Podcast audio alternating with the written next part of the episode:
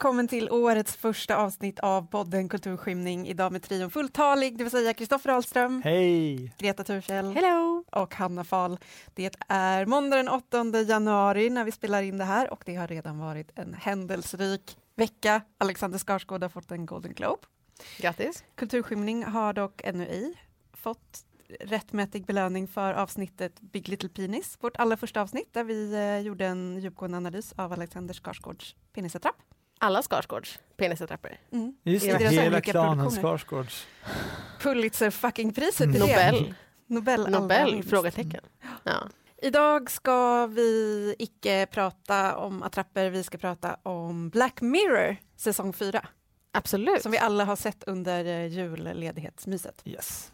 Black Mirror, är det någon som snabbt vill dra lite konceptet för den som icke har koll? Det är en, från början en brittisk tv-serie, väldigt eh, teknikkritisk kan man säga. Vissa hävdar alarmistisk, men handlar liksom om hur eh, tekniken påverkar våra liv och relationer i en ofta väldigt snar framtid. Och så liksom hela aspektet, allt från drönare till virtuella verkligheter till eh, ja, sexuella relationer och så vidare. Mm. Teknikskeptisk. Teknikskeptisk, Får man det är också en, det är en antologiserie ska vi väl kanske säga också, så Mm. att varje avsnitt är fristående, även om de ibland väl har lite lösa referenser Ja, men vissa, vissa sätter ihop. Mycket absolut. tyder på att de utspelar sig i samma värld. Mm. Det är mycket sådana små, små blinka it eh, grejer som Mm. händer. Och från säsong tre så görs den ju av Netflix och då är de sex avsnitt per säsong, till det var tre avsnitt.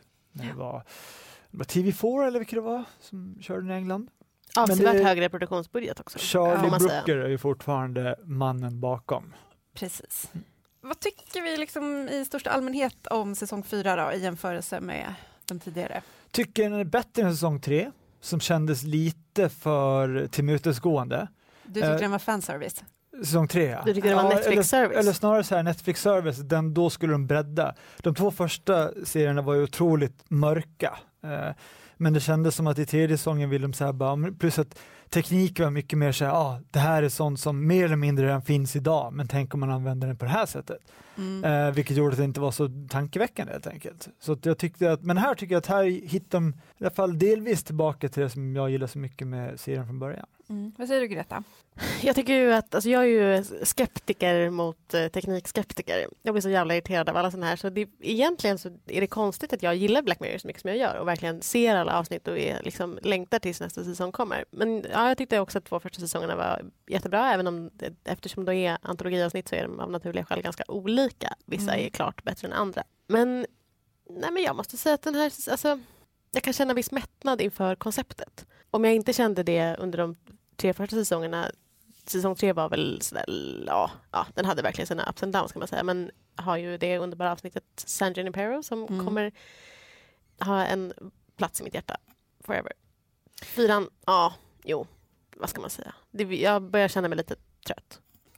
Alltså, ja, jag håller med om att jag också kände att eh, okej, hur många gånger kan man göra det här? Det är ju, det är ju en väldigt simpelt, så här, varje avsnitt är ett tankeexperiment, ta något som redan existerar i någon form, spela ut det så långt det går, se vad som händer, oftast går det till helvete, Mm. utom i några få avsnitt när det blir eh, vackert och fint på Mm, slutet, mm. som i San Junipero. Mm. Ehm, Det säger väl men- någonting också att när en serie har blivit så formularisk att den blir väldigt lätt att sammanfatta i typ memes eller satir. Ja. Det finns ju framförallt två stycken som jag som har rullat ganska mycket precis som jag tycker är väldigt roliga. Det ena är då att eh, Black Mirrors manusrum är typ en hög kille som sitter och säger saker så ja din mamma går på batterier. Och så gör ett avsnitt om det. Eller någon var det så här att du är typ som en tecknad serie och första är en kille som säger så här Åh, jag är en vanlig kille, jag är så glad, jag är en människa och jag har en dator och då säger datorn Egentligen är det jag som är människan och du som är datorn. Jag bara no! Det är mycket jävla Eh, twist väldigt, slutet. väldigt, väldigt säga. träffsäker. Men det Mm. känns som att så här, backlashen har kommit lite, för att jag minns inte att det varit så himla mycket så här uh, snark, Black Mirror, Nej. teknologi, Nej. what if, Nej. snark, snark förut. Men nu har det verkligen, det exploderade verkligen med ganska roliga uh, Black Mirror Men jag typ inte. Men- jag har känt ofta i de när, t- tidigare avsnitten, jag hatade ju till exempel första avsnittet i säsong tre som jättemånga älskade och tyckte var var det så nu träffsäkert. Nosedive, det är så här superglättiga kulör eh, avsnittet när en kvinna blev ratad. Ja, som ja, ja, som det. om det Mm. vore Ja, Uber. precis. Ja, precis. Just det. Ja, det, Det, var jag så jävla övertydligt så det Men- inte var sant. Och- Och det upplever jag att folk inte har tyckt förut när jag har tyckt det. Och nu så är det, har, känner jag att jag har före- igenkänning. du var före din ja, tid, helt precis enkelt. så. Precis Men jag vet, inte, för jag vet inte riktigt om jag håller med här, för jag, nu, det var ganska, det var, jag har inte sett säsong tre sedan den kom. Nej. Men nu, för att bara friska upp minnet, gick jag in och läste Wikipedia-beskrivningen av alla Mm. de avsnitten och eh, kände så här, fan, den var bra. Den var Asså. skitbra. Och att det som jag i vissa av avsnitten i säsong fyra tycker är lite tråkigt Mm. är att de är så eh, renod. Alltså det finns inget, inte så mycket värdbygge i dem. Nej. Det är bara Nej. en idé och sen så genomför man den visserligen snyggt, men det finns liksom ingen jag vet, jag kände att, de, att det, De är mindre och mindre avsnitten i förra säsongen var lite, lite fylligare på något Ja. sätt. Ja. Ja, Eh, men, men jag, jag tror också, särskilt nu när vi ska diskutera vilken eh, av den här säsongens avsnitt vi gillade mest, så kommer det här tydligt att framgå tror jag, för jag kände verkligen i den här säsongen att det handlar inte längre om människor, utan nu är det bara så här, det här är temat och det här ska vi berätta om och då får de här karaktärerna bara bli någon slags kärl som man fyller Mm. det här med och de Mm. har liksom ingen så här De berättar vad som försiggår komplexitet bara. Eller, nej, precis, eller Mm. någonting man vill fördjupa sig i. De är Ellen Page i Inception. Eh, Den som ja, det- frågar sig så här, vad händer? Vad händer? Ja, men ett, det, för det bästa exemplet på det tycker jag nu är eh, avsnitt 5, Metalhead, eh, som jag tyckte var så jävla läskigt när jag Mm, såg det. Alltså mm. verkligen, jag satt typ och så här, hade, alla mina muskler var spända, jag tyckte det var otroligt otäckt. Mm. Och verkligen väl genomfört, men det är ju verkligen Du helt kanske får också säga kort, det handlar om Ja, robothundar, Det är en kvinna, en kvinna i en, det är också filmat helt i svartvitt vilket bidrar till den otroligt obehagliga stämningen. En, en kvinna i en framtid där den här eh, robothunden som man också har sett i, på internet i olika klipp som ser jävligt läskiga ut med fyra ben och inget huvud. Typ. Eh, Sådana AI-hundar har tagit över världen typ och eh, är på jakt efter alla människor. Men man får liksom ingen mer backstory, man får ingenting, det är bara en, en otroligt eh, adrenalinstinn flykt Mm. De här hundarna. Som, jättevälgjord, men man Mm. får ingenting om själva universumet. Så jag tyckte liksom Nej, grejen är jag, tycker, jag fattar att de som, alltså serieskaparna tycker att det är coolt att man inte Mm. får veta någonting Ja. om världen och att det ska vara så här, men det, man behöver inte det för det är känslan man vill åt. Nej, det är inte känslan man vill åt. Jag vill veta vad fan det var som försiggick. Men, ja, fast, känns, jo, alltså, fast jag tyckte medan det pågick tyckte Ja. jag det var svinbra. Mm, Men, mm, eh, och, så att absolut, känslan under pågående avsnitt var ju eh, Ja, jag tyckte- otroligt välgjord. Ja, nej, jag gillade välframförd. inte det men, avsnittet. men efteråt så bara, men det här- fanns ingen misshandling i det. Men det är väl framförallt tre avsnitt vi ska diskutera där Ja, då avsnitt fem tre. Metalhead inte är Nej, ett av dem. Så att vi bara nämner det kort i förbifarten. Ja, ja, förlåt. Nej, nej, jag bara, jag bara säger så att vi inte liksom fördjupar så mycket sidospår. Nej, nej, nej, nej, men vi har valt ut tre avsnitt att Mm. prata om. Och eh, det första avsnittet vi ska prata om är det inledande avsnittet i säsongen, USS Callister. Fa, alltså favorittippat hos eh, alla tre, skulle man kunna säga. Ja, åtminstone Eftersom- hos Star Trek-älskarna Greta och Ja, Hanna. det är sant. Det är sant. Greta, vill du recappa avsnittet lite snabbt? Ja, det vill jag. Det är då så att eh, det börjar i, på, ett, eh, på bryggan på ett klassiskt Star Trek-skepp. Det är filmat i sån eh, 70-talsestetik. Alla har, alla har eh, liksom, kvinnorna har korta kjolar och männen har såna helylle-uniformer. Kaptenen Robert Daly har en eh, liksom framträdande roll som hjälten verkligen tydligt och löser något stort eh, liksom skeppsproblem och sen så, så slutar den scenen med att alla eh, sjunger hyllningssånger till honom och, och kvinnorna går fram och kysser honom en efter en. Visar sig efter ganska lång tid ändå. Alltså den här inledande scenen är säkert 10 minuter lång och sen så visar det sig att allt var bara en VR. VR-simulation. Ja. Ja, och sen så visar det sig då att Robert Daly jobbar på ett företag som bygger det här spelet, eller en sorts, en sorts eh, simulationsspel, simuleringsspel, eh, där, han, där karaktärerna i hans spel, eller i hans eh, version av spelet, är hans kollegor som inte behandlar honom så väl, trots att det var han som grundade företaget. Det börjar en ny kvinna på, på eh, jobbet som säger eh, till honom att du är min idol, du var anledningen till att jag började koda. Eh, så är, liksom, ja, men är tydligt fan av honom. Sen upptäcker han att hon inte alls var intresserad av honom som Av hans kropp. av hans kropp. Bara hans intellekt. bara hans intellekt, bara hans kodningsabilities och då blir han sur och visar sig att han eh, tar DNA från sina kollegor och eh, på så sätt copy-pastar dem in i spelet så att de i verkligheten lever Mm. i spelet. Och, Oavsett de, om han är där eller inte. och, och- i sin kodform i universumet så är de också medvetna om sina tidigare liv ute i verkligheten. Kan man Ja. säga. Precis. Ja. De, fattar, de vet att de är fast i spelet Mm. kan man säga. Och den nya kollegan då kommer in i spelet och vill genast ta sig därifrån. Ja. Så är upplägget. En sak som irriterade mig med det här avsnittet, eftersom det är Black Mirror och de ska vara så jävla teknik-savvy. Vad fan den här, jag tar deras hårstrå och gör av deras DNA en, alltså det, det här hänger överhuvudtaget Nej, inte nej, ihop. nej, nej. Det, Överhuvudtaget är att, det var liksom, att de också var medvetna Ja. om sina riktiga liv. och att var de på något sätt var- hade minnen fram till Mm. sekunden de stoppades in i spelet.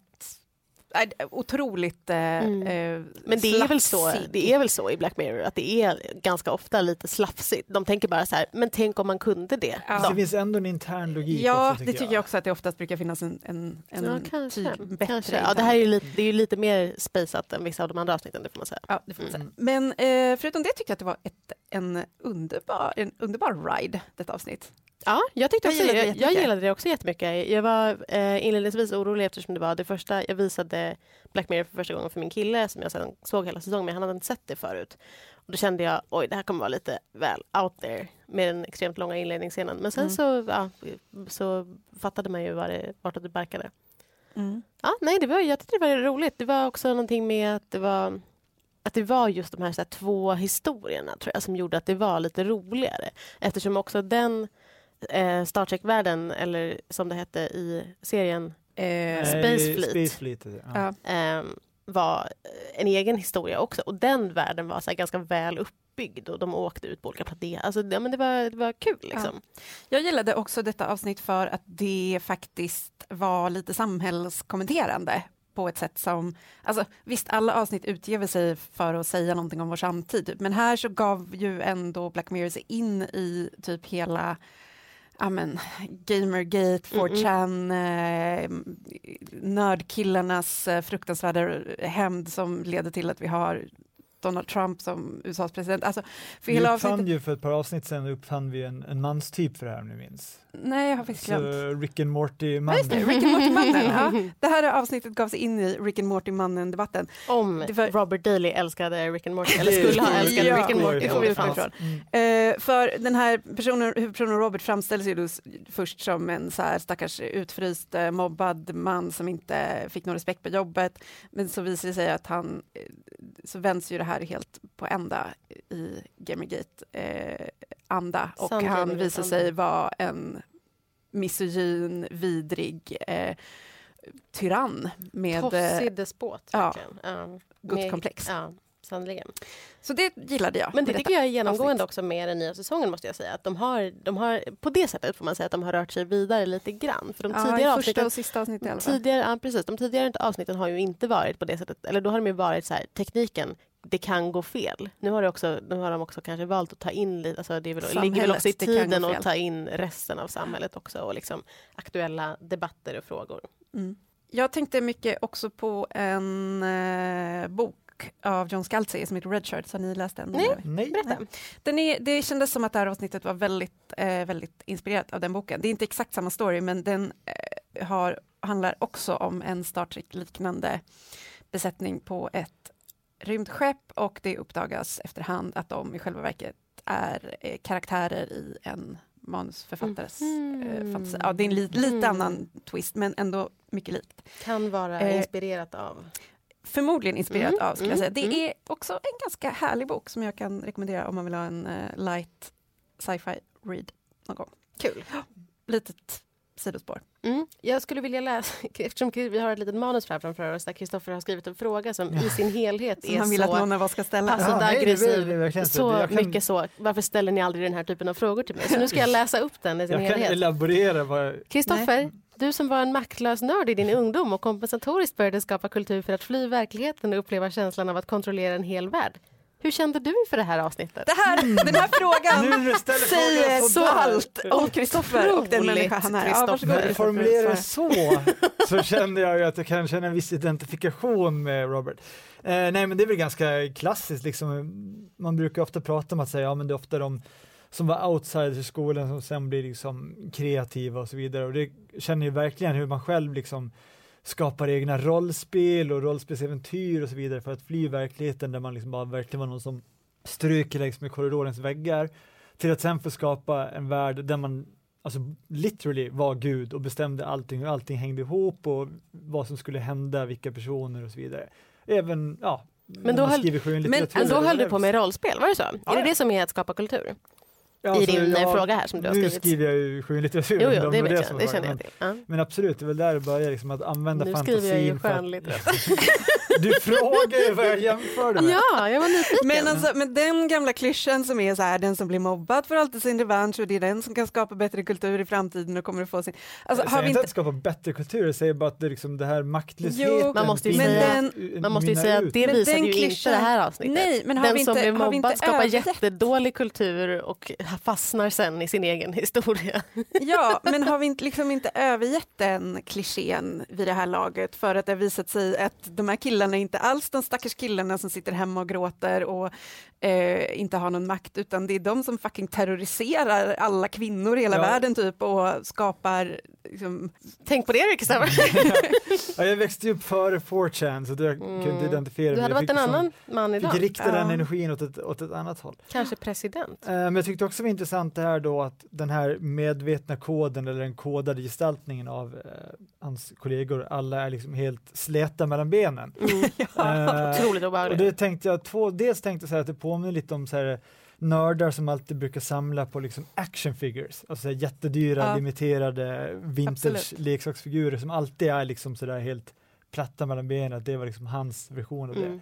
Men så tänkte jag även för att hon säger, den här nyanställda, säger någonting så här att när hon upptäcker då att hon inte har något könsorgan så säger hon typ så här att Stealing my pussy was crossing the red line och så här. Och det, nu vet jag inte, nu ser man ju allting genom Trump-glasögon men jag vet inte, jag satte någonstans här likhetstecken mellan grab pussy och steal pussy. Mm, mm, Jag vet mm. inte, och han är så här, ja, den vita arge mannen som liksom Ja, men jag tänker också att det finns en aspekt av det som är just eftersom det är så tydligt Gamergate också i, i, helt i slutet av, av avsnittet så Ja. dyker det upp saker som tyder på det. Att det är någonting med, med just den, den så här, stereotypen av, eller som man tänker sig 4chan-killen, spelkillen, som ju inte har sex. Mm. Alltså det är så här att han, jag menar, nu ska man inte spekulera i om han hade haft sex eller inte, men det är någonting med det där att så här, han var ju uppenbart misogyn. Han var uppenbart Mm. liksom, han ville att alla kvinnor skulle komma fram och ge honom en lätt kyss. En kysk kyss på Mm. munnen. ja. Men inte längre än så. Det var, inte- det var liksom, han ville styra dem på ett annat sätt men inte på det sättet att han liksom, jag håller alla mina kvinnor fångar i en men verkligen, han sexhåla. ville ju typ kastrera kvinnorna och ta Mm. ifrån dem Mm. sin sexualitet. Mm. Typ. Men är inte det också så här för, att, för att det är liksom hans heliga skapelse och då ska det inte fördärvas med sex? Ja men lite som, Mm. som med Gud, så här, när, Mm. Ja. när syndafallet kom då var det liksom, ja, Men verkligen, plus att det, om man nu ska se honom som en, en Gamergate-kille så, så tänker han inte ens i de banorna. För han har, eller liksom, det kan han ju göra men Eller han så är han inte... en sån Gamergate-kille som, har, eh, som eh, säger sig vara, nu gör jag citattecken i luften, porrberoende och eh, ska ha en Ja, sån eh, kyskhetslöfte som de håller på med. på Absolut, 4chan. bara kallduschar. Ja. Men jag tänkte även på det här hur man brukar prata om så här att vissa nördar hatar när andra upptäcker deras stora, eller som är deras grej, eller det som de har liksom mm. upptäckt först. Att det här är lite samma sätt, att, att det man älskar det vill man äga och ha i fred och ingen annan ska liksom få röra det. Och jag tänkte att det var lite, De kan inte roa sig med varandra när han är borta. nej, liksom. nej precis, och ingen annan Det säger, det säger ju de också, vi har testat. Mm. Det går inte. Vad ger vi för betyg åt USS Callister på en skala från 1 till 5 kulturskymning? Eh, fyra kulturskymning. Eh, svag tre kulturskymning. Jag säger nog fyra kulturskymning Mm. också. Mm. Kul! Vi går vidare. Nästa avsnitt som vi tänkte fördjupa oss lite i är avsnitt 4, Hang the DJ.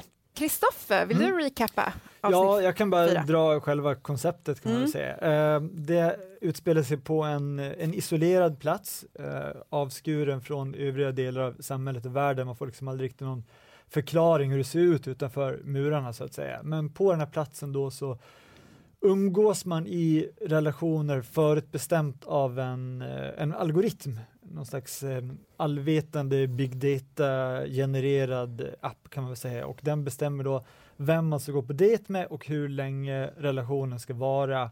Och sen ut efter alla de här dejterna man har gått på så skapar den här algoritmen då vem som blir ens perfekt matchande partner. Och mm. det börjar då med att de två huvudpersonerna, man och kvinna, går på sin första dejt, får veta att de bara har 12 timmar på sig och eh, sen måste de skiljas åt, men hela tiden ligger de där i varandras bakhuvuden och skaver i takt med att de liksom betar av nya partners i olika tidsintervaller. Och då tänker man till, ska de träffas igen, vad kommer hända då? Kommer det vara så att algoritmen utser just de här två till att vara perfekt skapade för varandra eller vad ska hända? Så det kan man säga, det är en slags Tinder, eh, ja, Tinderskräckis. kanske. Ja. ja. Vad, vad, fick ni för associationer till det här avsnittet? Liksom, vad, vad, vad, vad, säger ni, vad skulle ni säga att det handlar om? Ja, jag skulle säga att dels, jag tänkte väldigt mycket på The Lobster. Uh, den här, uh, uh, gud, vad heter nu greken? Georgios Lantimos. Ja, precis. som handlar väldigt mycket om samhällets skeva syn på ensamhet, att det är, så här, det är någonting smutsigt och socialt ja, misstänksamt med ensamma personer som man tvingar ihop dem i olika par. Mm. Eh, så så kände jag lite grann att det här var, för det var väldigt få singelpauser däremellan, det var väldigt så här, extremt fokuserat på att bara hitta den perfekta relationen genom att testa sig fram i olika andra ja, framtingade sexuella eller kärleksmässiga situationer. Mm. Mm. Jag måste säga att jag gillade det här eh, avsnittet eh, inledningsvis och tänkte så här, ja, men ganska, ganska rolig take på ett, det liksom redan uttjatade kulturämnet Tinder. Mm. Som ju är så att det alltid... Jag skrev en, en grej om det här som man kan läsa på dn.se om man är intresserad och eh, inte vill säga varför pratar de bara om samma sak. Men, men eh, det blir ju väldigt lätt så att det i, när man ska göra Tinderkultur eftersom Tinder som liksom ett så datingliv i största allmänhet är ganska deppigt.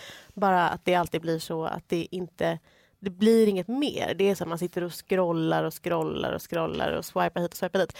Det är inte så mm, givande att konsumera den typen av kultur. Och då tänkte jag, vad kul det här kommer bli, att det är någonting annat. Mm.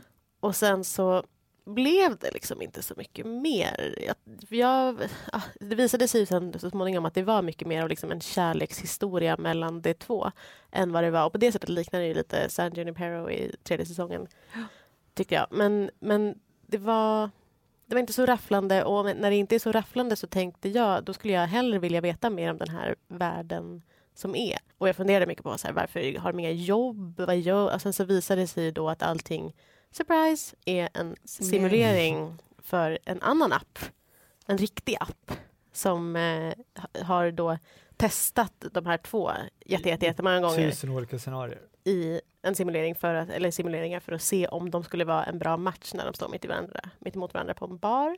Mm. Och Smiths Panic. Heter Panic, Panic mm. heter. Men jag tyckte också att det var en ganska, alltså för att, för att utveckla det du sa om Tinder-skildringar mm, mm, i mm, samtiden, mm. så brukar ju de nästan alltid komma fram till slutsatser, eller det brukar liksom kretset kring att det är en så här slit och slängkultur, man använder människor och kastar bort dem, man Eh, det är liksom en destruktiv spiral. Mm. Här var det på precis tvärtom. Det fanns ju ändå eh, liksom någon sorts idé här om att det finns ett syfte med att träffa många mm. olika partners för att lära sig mer om sig själv och komma fram till så vem man är i en relation.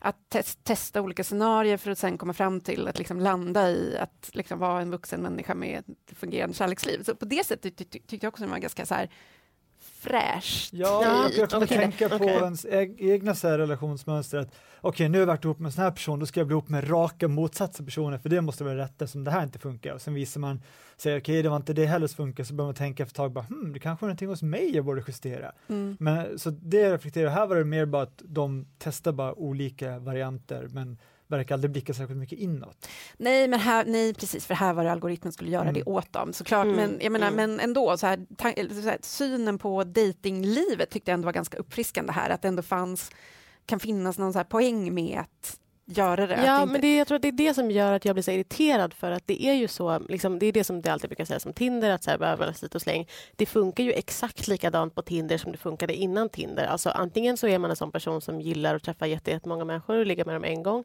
eller så är man en sån person som letar efter en stadig relation och då hittar man det genom Tinder. Alltså förstår ni, det är, mm. liksom, det är inte Tinder i sig som är problemet utan Nej. i så fall liksom hur man väljer att konsumera människor i största allmänhet. Och det har Ja. man väl alltid gjort och olika människor har gjort olika.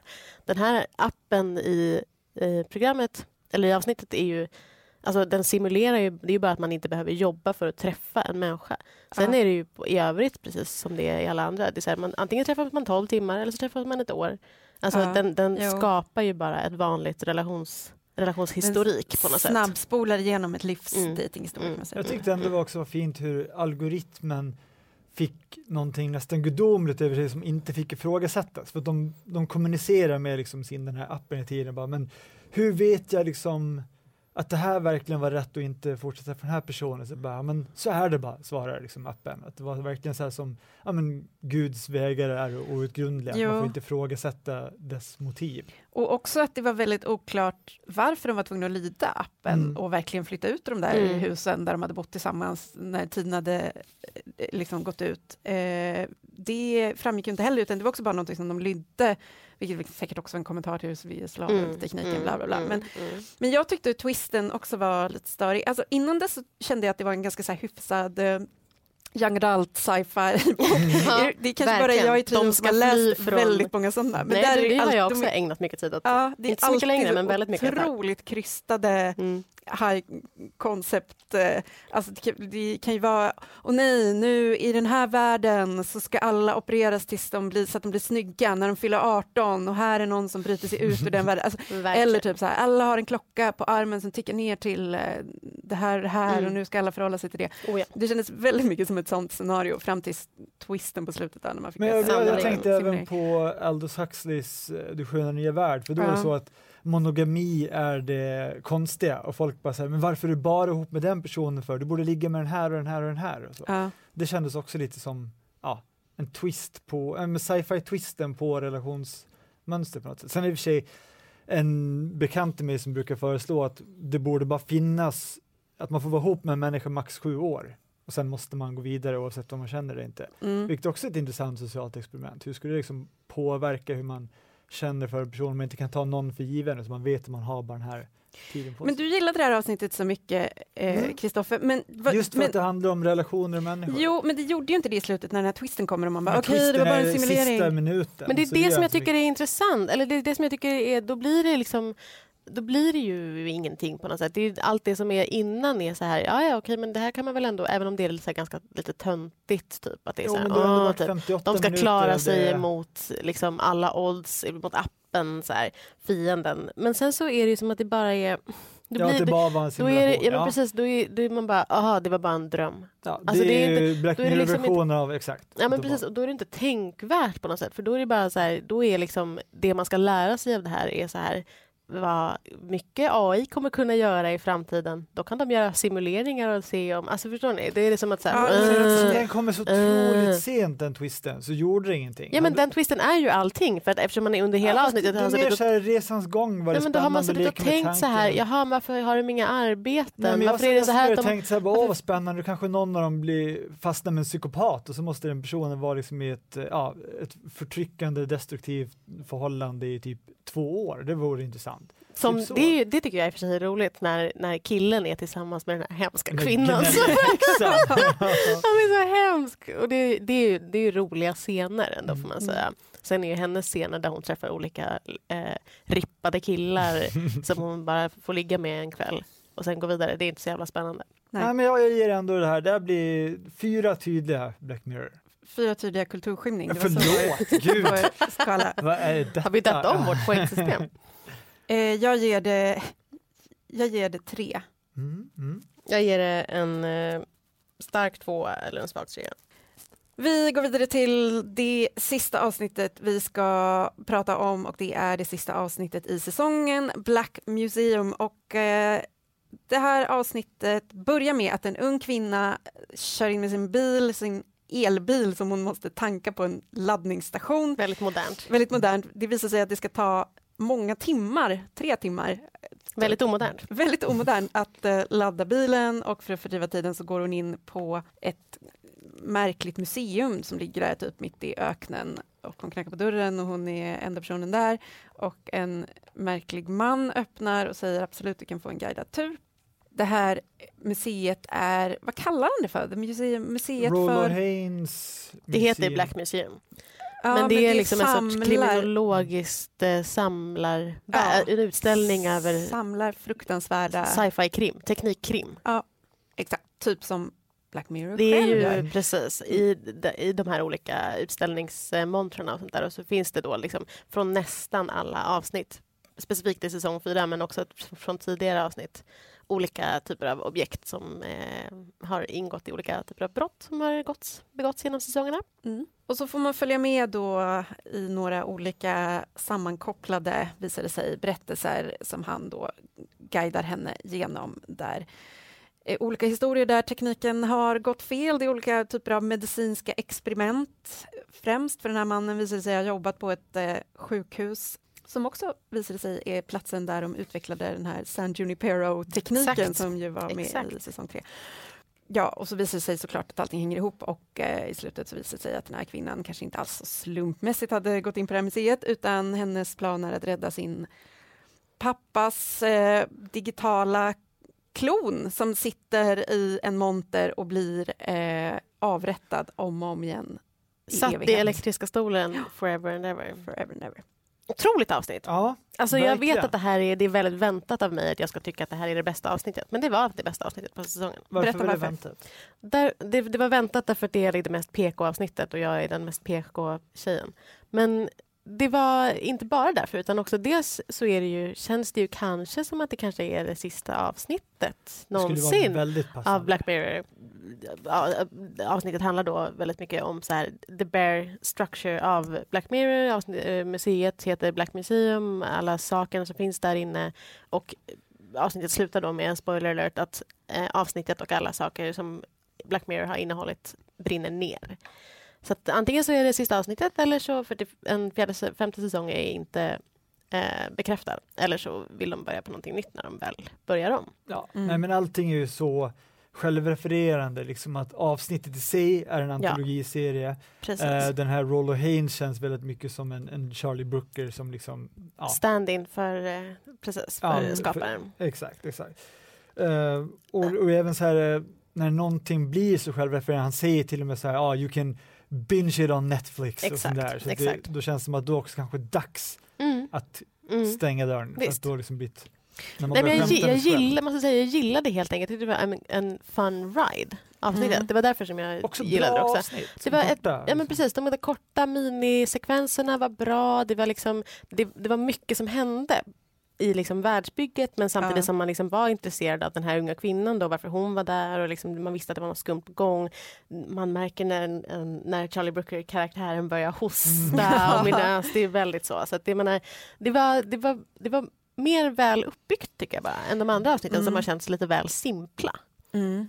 Jo, jag håller med. Jag tyckte också jättemycket om det här avsnittet. Vad, vad tror ni att Charlie Brooker, om han nu har skrivit den här museiägaren som en, eh, ett alter ego för sig själv, vad vill han säga om sig själv och vad han har gjort med Det kan man verkligen då? fråga sig. Nej, men vi sa ju tidigare då att den här säsongen och specifikt det här avsnittet och kanske tidigare första avsnittet har varit lite mer så samtidskommenterande Ja. eller kommenterande av mer än så här oh, Ja. vad otäckt med tekniken. Men, men det tyckte jag var bra också i det här avsnittet. Att man, man fattar att han kanske har andra drivkrafter än bara så här mobilen, den kan vara en fiende väl som en vän.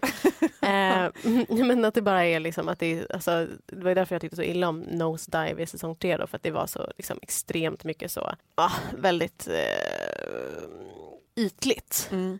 En ytlig kritik av någonting som man själv tycker är väldigt ytligt. Liksom. Och det här var någonting annat. Men, men eh, alltså, jag vet inte om han var Charlie Brooker på det sättet, men han var väl han var ju historieberättaren. Ja, det var ju det. det jag han han framställdes väldigt länge som att så här, jag är bara en liksom, eh, neutral Det bara en guide. guide Ja, genom allt det här. Och han var liksom guide och ciceron på samma sätt som till exempel zombien i Tales from the Crypt. Hans sätt att berätta var liksom väldigt överdrivet och Mm. eh, ja, han var rätt accentuerat. jobbig. egentligen. Han, var det. Ja, han, det han var hade ju kunnat vara att på ett annat sätt. den typen av berättare som finns i antologiserier på tv vanligtvis. Så att Mm. allting är liksom, om allting annat har varit samtidskommenterande så var väl det här mer självkommenterande. Mm. Kändes som. Mm. Samtidigt som det var väldigt bra, det finns ju då mittensekvensen som då handlar om hur man kan eh, det är en slags betaversion av det som sen blir San Junipero-tekniken, Mm, det vill mm. säga man kan transplantera in någon annans medvetande efter dess kropp är dött i sitt eget huvud, så Mm. de blir en slags medpassagerare och ser vad man ser och känner vad man känner och så vidare. Det tyckte jag kändes otroligt spännande och också en väldigt bra man säga, metafor för vikten av egen tid i en relation. När det sitter den gnälliga kärringen i huvudet, säger till att tvätta händerna. Ja, otroligt. Nej, men det var jättebra. Det var, det var, tänkte ni inte på, eller jag måste säga att det som störde mig var att det var så fult gjort. Jag bara, om de nu ska Ja. bygga det här måste den då sitta i någon knackig liten fåtölj och liksom, precis framför en stor liksom, bioduk. Det var Ja. så otroligt fattigt. Sätt den personen precis bakom hornhinnan. Mm. Den ska inte behöva sitta där i något otäckt litet rum. Verkligen, det tyckte jag också var lite, lite taffligt gjort. Eh, och eh, jag tyckte också lite att den här nallebjörns Ja, grej- Mm. För nallebjörnen var ju också, det var också min nallebjörn i avsnitt fem i Ja. det här och svartvita jagad av en Mm. hund. eh, Också otroligt mycket sånt tröttsamt ögonblick som verkligen inte var Ja, och hela det här, det, det kan jag störa mig lite på generellt i hela den här säsongen och även i en del tidigare säsonger av Black Mirror, att det är väldigt mycket så här, men nej, det är ett litet barn och, och Verkligen. Mycket så här att man ska typ så här, tänka på barnen eller man ska Mm. liksom känna hur uppslitande det är när ett barn blir drabbat av någonting och det kan jag tycka är lite tröttsamt och det kände jag även i det här att bara, men sluta med nallebjörnarna och Mm. barnen nu. Bara, Mm. jag Jag tror att kanske det, men- både i säsong tre och säsong fyra så har de liksom ofta tagit den lite för enkla vägen ut. Det är väl det som är också Netflix-faran med Netflix på något Mm. sätt. Att de ska göra sig tillgängliga för alla så, så blir det det är helt enkelt inte lika till en stark känsla är Precis, typ det är en eh, nallebjörn eller en barn. förlorar barn. Eller som i liknande. säsong tre, det där avsnittet där, där eh, det är massa liksom, eh, soldater som ska liksom slåss mot otäcka varelser och sen visar de otäcka varelserna sig bara vara flyktingar. Mm. Fast de har liksom genmanipulerat soldaterna så att de ska se dem som otäcka. Alltså det är liksom, man kan se det från så många mil att det inte är det, blir, det, det är liksom ingen, det är ingen fart då i avsnittet när det bara är så här, ja, ja, jag fattar, gå vidare. Mm. Mm. Ehm, men förutom nallebjörnen så tycker jag också att det var, alltså jag är ju väldigt svag för um, så här medicinska experiment gone wrong uh, skräck. Doktor Hanna Doktor. Hanna tycker att det är väldigt, väldigt fascinerande. Mm. Så det gillade jag också väldigt mycket med avsnittet. Ja, Det var liksom som de gick hela den kulturhistoriska, eller tillbaka till hela liksom början på den kulturhistoriska cirkeln av liksom så teknofobiska skildringar. För som han är då en läkare som experimenterar med döda eller döende kroppar så var det verkligen så här, tillbaka till Frankenstein på något Mm. sätt. Vilket jag tyckte kändes fint om vi då ändå ska knyta ihop den här säcken. För jag hoppas och tycker att det inte ska komma några fler avsnitt. Det var ett så bra sätt att bara runda av det. Mm. Man kan Vad hoppas att de ni? kommer vara så värdiga att de kommer vilja runda av det på det Ja. sättet. Jag tror tyvärr inte det, för jag tror att den här säsongen av Black Mirror också har setts jätte, jätte, jättemycket och att Ja. Netflix kommer vilja fortsätta därför. Ja, det tror jag också. Vad sätter vi för betyg på ehm, Black Museum? Hur många Ja, kulturskildring? fyra, fyra fina kulturskildringar. Mm. Jag, håll- jag sätter också en... Jag sätter en fyra, men jag sätter en starkare fyra än på USS Callister. Mm. Definitivt. Mm. Jag läste förresten en intervju i senaste Wired med Charlie Brooker om så här, saker som man fortfarande inte har gjort avsnitt om och då var det så här eh, emotionella maskiner, typ du kommer inte kunna kasta mjölken för den vill vara ur kylskåpet för den vill vara din vän och bara nej, gör inte av med mig. och jag kände bara nu får det inte komma Stopp, fler stopp, avsnitt. stopp. Ja. Ja, men, ja, för jag tänkte vi skulle avsluta här med att spekulera lite om säg Mm. att det blir en säsong fem, vad fan ska den handla om? Vad har de inte tagit upp? Mm. Jag tänkte på, Ska Eh. man då utgå ifrån liksom vad, vad vi använder för tekniker, hur vi använder in- internet idag?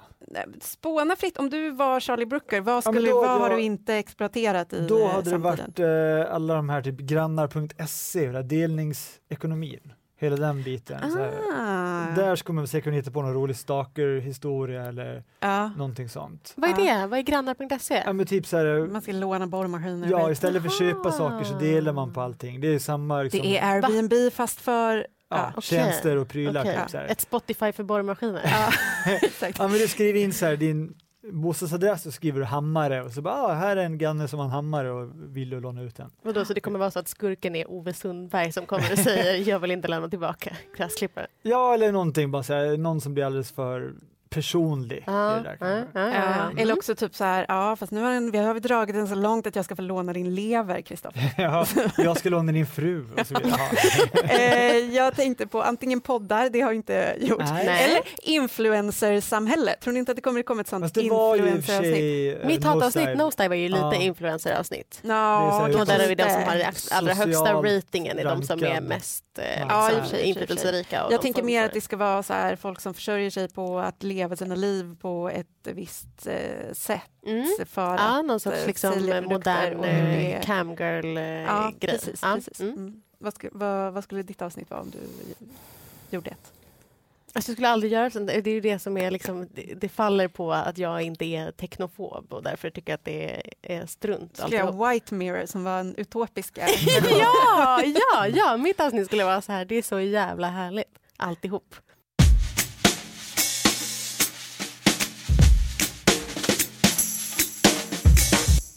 Därmed lämnar vi Black Mirror och går vidare till veckans kulturskymning. Och veckans kulturskymning är Millie Bobby Brown, citat, världens sexigaste barn, slutcitat, frågetecken. Det citat? Ja, helt eh, aktuellt med anledning av Golden Globe-galan. Det är nämligen så att eh, Millie Bobby Brown som är eh, mer känd som Eleven i Stranger Things, som vi har talat om tidigare här, dök redan i somras upp på W Magazines omslag som ett av exemplen på Why TV is sexier than ever. En tillhörande lista på W Magazines eh, sajt fanns också med rubriken Eleven actors who proved TV has never been hotter. Eh, där också hon var med kan ju tolkas på flera sätt i och för sig. Att någon är hot. Men, eh, Mm. men sexy går faktiskt inte att tolka Nej. på fler än ett sätt. Nej, och grejen är att hon är 13 år gammal. Ja, Mm. precis. Och då med anledning av Golden Globe då, där, där eh, i synnerhet kvinnorna men ganska många av eh, de solidariska männen också valde att bära svart till stöd för metoo och Times Up och alla olika hashtags som har med eh, sexuella övergrepp och trakasserier och eh, ojämställdhet att göra. Så hade också Millie Bobby Brown på sig svart, en svart klänning och hon var liksom alltså, nu vill jag inte ris- riskera att låta som en internetpedofil men hon ser inte ut att vara 13 på bilderna från galan. Vilket är lustigt nog exakt vad kommentarerna säger på eh, Instagramkontot Jaså? High Jaså? Snobiety. Är du säker på att det inte är jag som har varit She definitely looks Nej, 10 hon är, hon är Ja. väldigt dold up helt enkelt. Hon är Mm. jättesminkad, hon har en klänning med väldigt djup eh, ryggringning Mm. och liksom sådär. Så att jag menar, ja det är någonting. Mycket Samtidigt så, ja. samtidigt så läste jag att eh, hennes kläder måste gå igenom både hennes mamma och hennes pappa. Så att de liksom bedöms vara age appropriate innan hon eh, får ha på sig dem. Hennes pappa måste godkänna hennes eh, kläder innan hon får gå på röda mattan i dem. många olika Vilket också är så här man bara, det här. Ö, precis. Ja. Hennes pappa ska se till att hon inte sexualiseras på röda mattan. Vilket ändå på något sätt hände. Vilket ändå hände tyvärr. ja. Ja, han valde ändå den där klänningen. Mm. Mm. Ja, nej men det är väl någonting med det där så här hur eh, hon är inte det enda Stranger Things-barnet som har blivit sexualiserat. Det var ju en historia i höstas om när en, en eh, modell la upp någon bild på, på Finn Wolfhard Wolfhard, på eh, Instagram och skrev så här Hit me up när du har fyllt 15 eller 16 eller vad det är. Han är, också, han är väl också 13 eller 12 eller något sånt där. Mm. Vad, hur liksom, eh, jag menar det är ingen, ingen nytt koncept med barnstjärnor. Men Nej, Nu kommer jag bara tänka på att de Det känns- det känns- nu med oh, tredje säsongen måste säga att jag tycker det känns omodernt det här. Det känns inte som att att sexualisera barn. det- eller eh, vad? sexualisera barn det är det enda man får göra i dagens samhälle. Mm. Jag menar bara, det känns inte som att det känns som att det borde, det borde inte hända. nej, det är faktiskt helt menar, det är du menar som är, typ om man ska lansera en kvinnlig skådis så finns det bara en enda mall oavsett ålder. Ja det kanske är så. Ja, precis. Det kanske är så. Och det finns liksom inget sätt att... Det finns, liksom, nej, det finns ingen väg att gå som inte är att eh, gö- göra eh, henne till väldigt Nej. sexig. För både Emma ålder. Stone och Lindsay Lohan var väl också väldigt unga när de slog igenom Ja, och fick väl liksom den det ljuset på sig. Men jag kommer att tänka nu på tredje säsongen av Stranger Things som vi pratade om att de ska göra ett tidshopp framåt. Mm, För att eh, ja, de här kidsen börjar komma i puberteten nu och det går liksom inte att säga att åh, nu är de samma ålder fortfarande. Nej. Nej. nej. Så att nu kommer det så här att förmodligen kommer själva inspelningen att ta lite längre tid för man hoppas att det inte blir så här en per år för att då urholkas det nog snabbt. Men det kommer inte heller gå, jag menar det är konstigt att hon, att hon eh, Millie Bobby Brown bedöms då som att hon är ett exempel på att TV är sexier than ever. För om det är någonting man kan säga om Stranger Things så är det ju inte att det är sexig stämning Nej, direkt. det har jag aldrig upplevt. Men ska, det, men ska det börja bli det då? Så att de ska börja, alltså för nu har det varit väldigt sådana kyska pussar när, när några av karaktärerna har fått ihop det. Jag tänker på alltså. Finn Wolfhard spelar ju även den kåte killen i Det, filmatiseringen av Det. Ja precis, men den barnkåte. Men ska ja, de jo. nu liksom få Var- veer into att de ska så utforska saker och ting? Ja, Ja, kanske. det, kommer inte, det kommer inte vara bra för Millie Bobby Browns image. Nej, verkligen. Men det här, hela det här påminner mig också om en så här, eh, gud jag borde ha kollat upp vad den här eh, barnet heter, men minns ni för typ kanske sju år sedan så var det en så här tabloid-grej som var så här, titta här är världens vackraste barn, och så var det en bild på en liten flicka, hon kanske var så här fem år gammal. Inte flyktingflickan på omslaget av, Nej, av Time Magazine som är typ- gammal nu. Nej, Nej. det här var typ ett så här vanligt amerikanskt barn Okej. som var så otroligt vackert. Ja. Och jag såg bara för någon månad sedan så här en uppföljningsartikel Inte den palestinska flickan som... Nej, Inte nej. det här hände med Nirvana-bebisen.